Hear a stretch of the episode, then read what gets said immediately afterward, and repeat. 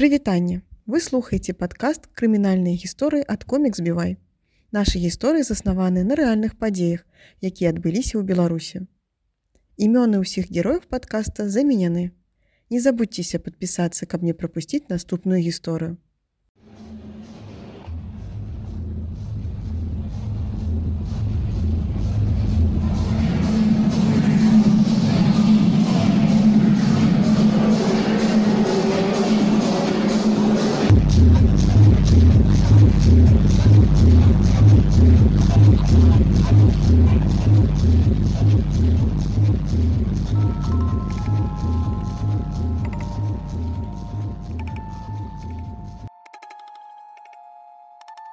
Падзеі нашай крымінальнай гісторыі разгортваліся звычайнай вясенняй ноччу у звычайным беларускім горадзе.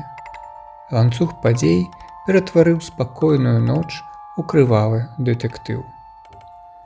Як усё пачалося, дакладна невядома. Для кагосьці ўсё пачалося з крыкаў аб дапамозе, які выдаваў скрываўлены чалавек. Чалавек бег па лесвіцы ўверх і стукаўся ва ўсе кватэры з надзеяй на выратаванне. Жыхары дома прывыклі, што ў адной з кватэр часта даносяцца дзіўныя гукі і не спяшаліся рэагаваць. Былы афганец, магчыма, інстынктыўна зразумеў, што ў гэты раз здарылася нешта сур'ёзнае. Ён адчыніў дзверы, упусціў скрываўленага чалавека суседзі ўжо выклікалі міліцыю. А для кагосьці ўсё пачалося, калі два маладых чалавека, прыхапіўшы з сабой біту, адправіліся да знаёмага на сур'ёзныя размовы. Васіля і Алексея складана назваць прыяцелямі. Маладыя людзі пазнаёміліся за некалькі месяцаў да крывавых падзей. Васілю на той момант было 22 гады а Алексею 23. Васіль па адных дадзеных быў уладальнікам начнога клуба. Па іншых дадзеных клубам валодала яго мама, а Васіль быў толькі дырэктарам. Алексей пасля войска шукаў працу. Пасля доўгіх пошукаў, як водзіцца знаёмыя знаёмых, параілі уладкавацца ў клуб да Васіля ахоўнікам. Працаваў у клубе Алексей нядоўга, але неяк адразу Васіль стаў давяраць свайму новаму ахоўніку. Васіль усё больш прысвячаў Алексея ва ўнутраныя справы бізнесу, а ў канцы іх супрацоўніцтва даверыў брудную працу. Вернемся да падзей вясновага вечара. У гэтую ноч Васіль і Алексей былі на працы ў клубе. Бліжэй да паўночы Васіль успомніў, што ў яго ёсць даўжнікі. І яму тэрмінова спатрэбілася правучыць аднаго з іх, каб астатнія ўбачылі, які ён сур'ёзны дзялок. Лёс выбраў вядомага мастака Дмітрыя. Узброіўшыся бітай, двое прыяцеляў, як у крымінальных фільмах пайшлі выбіваць даўгі. Кальян для добрапрыстойнасці, таксама не забыліся захапіць. Да месца іх падвозіў знаёмы таксіст. На судзе яны скажуць, што біту ўзялі, каб Дмітрый намаляваў на ёй што-небудзь прыгожае. Дом мастака часта адкрыты для ўсіх. Вольная натура, творчы парыў не дазваляюць сядзець за зачыненымі дзвярамі і адгароджвацца ад грамадства. Таму і ў гэты раз, нягледзячы на позні час, гасцінны гаспадар упусціў маладых людзей. Спачатку ўсё было спакойна. Да кампаніі далучылася дзяўчына Дмітрыя Алеся. Маладыя людзі мірна курылі кальян, размаўлялі. Некаторыя фігуранты сцвярджалі, што ўжывалі наркотыкі, іншыя ж адмаўлялі. Аналізы не выявяць наркотыкі ў крыві, Але следства прыйшло да высновы, што кампанія ўжывала сінтэтычныя рэчывы, якія не пакідаюць слядоў. У які канкрэтны момант пачалася катастрофа, ніхто не ведае. Растлумачыць, чаму нечакана ўсё згарнула на дарожку крыміналу, маладыя людзі так і не змаглі. Алексей сцвярджаў, што яму здалося, што ў руках у Дмітрыя бліснуў нож. Спалохаўшыся, ахоўнік схапіў біту і ударыў Дмітрыя па галаве. На тое, што пачало адбывацца, адрэагавала Алеся. Яна пачала крычаць. Паводле афіцыйнай версіі следства Алексей накрыў Алесю пледам, каб не забрудзіць руки, а далей пачаў біць, каб прымусіць дзяўчыну замаўчаць. Аднак аказалася, што ў кватэры знаходзіўся яшчэ адзін чалавек. Каля паўгода у кватэры Дмітрыя жыў Михаил. У тую ноч яго абудзілі крыкі і шум. Ён выйшаў з пакоя паглядзець, што адбываецца. Васіль і Алексей накінуліся і на яго. Бітая зламалася, там убілі тым, чым прыйдзецца. На целе Михаила будуць выяўленыя следы удару кулакамі і нажавыя раненні. Михаил у шокавым стане змог выбрацца на лесвічную пляцоўку і наколькі хапала сіл пабег уверх па лесвіцы. Яго пераследавалі, у аднаго са злачынцаў быў у руках нож. Выратаванне Михаил знайшоў на пятым паверсе у кватэры афганца. Было каля трох гадзін ночы пераследнікі кінуліся ўцякаць. Рукі памылі ў суседнія лужыні. Аператыўнікі прыехалі хутка. У кватэры знайшлі Дмітрыя і Алесю ў несвядомым стане. У абодвух былі праламаныя галовы. Уся кватэра была ў крыві. На падлозе раскінутыя рэчы, разбітыя лямпы. Гаспадара кватэры і яго дзяўчыну даставілі ў бальніцу. Алеся памерла праз 5 дзён.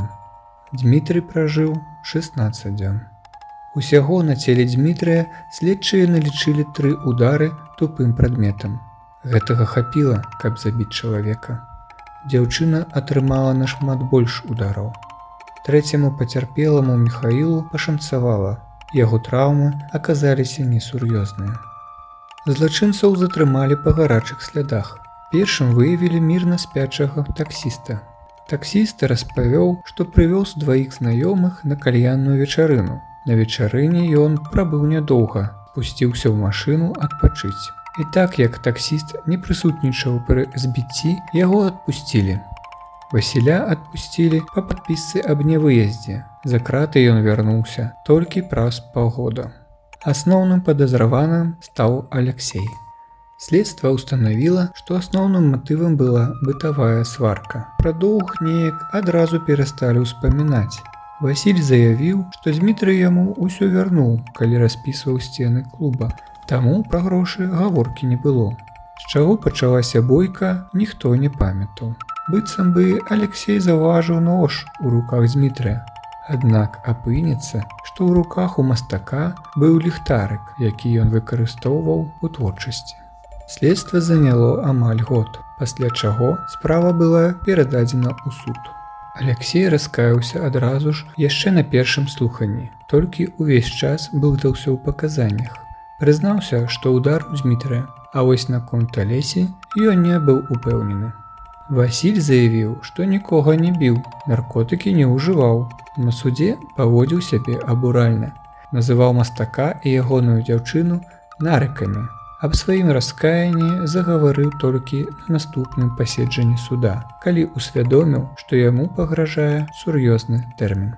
Суд прызнаў Алексея вінаватым у забойстве двух чалавек, учыненым з асаблівай жорсткасцю з хуліганскіх памкненняў і ў замаху на трэцяга.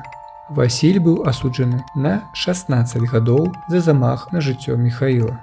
Алексей не быў згодны з прысудам. Падчас судовых разглядаў ён ужо больш упэўнена заяўляў, што Алесю ён не забіваў.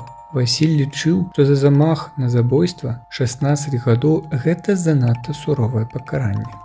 Але з прысудам не былі згодныя не толькі асуджаныя, але і сем'і загінуўшых. Бацькі Алесі настойвалі, што забіў іх дачку не Алексей, а Васіль. На іх думку, Васіль павінен несці адказнасць не толькі за смерць дзяўчыны, але і за арганізацыю злачынства. Бо Васіль з'яўляўся начальнікам Алексея. Менавіта Васіль прапанаваў з'ездзіць да Дмітрыя, узяў з сабой кальян і біту. Маці Васіля таксама была незгодная з прысудам. Жанчына прымала актыўны ўдзел у судовым разглядзе. Яна ахвотна дзялілася меркаваннем у сацыяльных сетках і ў розных інтэрв'ю. Жанчына лічыла, што яе сын ніколі не ўжываў наркотыкаў, што 16 гадоў за замах несправядлівае пакаранне, бо Михаілу былі нанесеныя толькі лёгкія цялесныя пашкоджанні. Гэтак жа маці Васіля пастаянна славесна нападала на сем'і загінулых, абвінавачваючы ахвяр у амаральных і асацыяльных паводзінах. Бацькі загінулай Алесі прадставілі сваю версію падзей. Яны засноўваліся на нестыкоўках, якія, на іх думку, былі выяўлены ў працэсе судовых разглядаў. Храналогію падзей яны аднавілі ў такім парадку. Калі Алексей пачаў наносіць удары Дмітрыю, Алеся закрычала і паспрабавала ўскочыць з падлогі. Васіль спалохаўся, што крык могуць пачуць, схапіў яе і паваліў на падлогу. Пры падзенні яны закранулі стаяўшы побач лямпы і разбілі іх. Затым Васіль накінуў на галаву Алесі плед, пачаў душыць яе і наносіць удары кулакамі ў вобласць галавы. Затым, выхапіўшы з рук падначаленага біту, Васіль вярнуўся да Алесі і нанёс ёй яшчэ некалькі удараў. Алеся спрабавала адпаўсці ў бок сцяны, але Васіль працягнуў наносіць ёй удары. Датуль, пакуль дзяўчына не перастала варушыцца. Усяго забойца нанёс ахвяры не менш за 8 удараў біты. Падчас агляду месца здарэння у цэнтры пакоя на падлозе на паверхні ламінату былі выяўлены сляды валачэння. Дадзены след падобны на след крыві, які быў пакінуты алесей, калі яна спрабавала папаўсці ад Васіля. Пры дачы паказанняў Алексей пацвярджаў гэты факт. На фотаздымках месца здарэння зафіксаваныя разбітыя лямпы, якія пацвярджаюць версію сваякоў, што Васіль не проста стаяў у баку, а меў непасрэднае дачыненне да смерці Алесі. У кватэры быў знойдзены нож, на якім былі адбіткі пальцаў Алексея, але на нажы не было слядоў крыві Алесі. На ручцы біты была выяўлена кроў Алесі. Калі б Алексей наносіў удары бітай і пасля гэтага ўсяўся за нож, то сляды крыві засталіся б і на нажы. На вопратцы Алексея гэтак жа не былі выяўлены сляды крыві Алесі.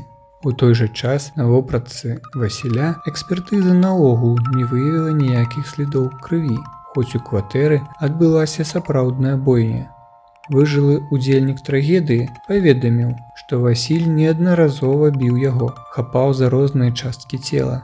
Аднак і гэтых слядоў падчас следства экспертызы не знайшла.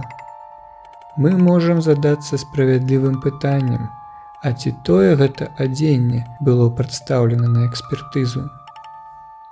Праз некалькі гадоў пасля судовага працэсу з'явіліся новыя падрабязнасці крывавага аўторка.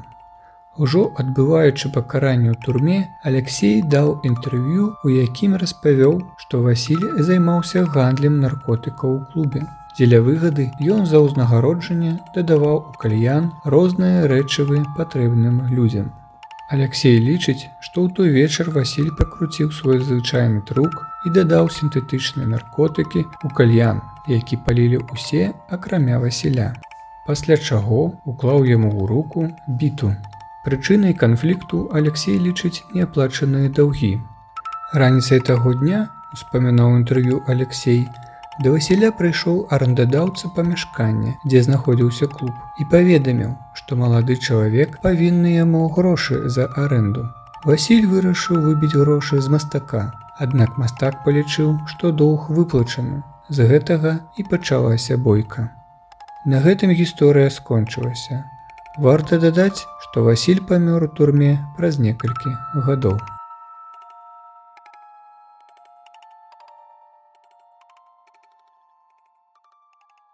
Спадзяемся, наша жудасная гісторыя кранула вас. Дзякуй, што былі з намі. Нам было прыемна правесці з вами час. Далучайцеся, будзе страшна.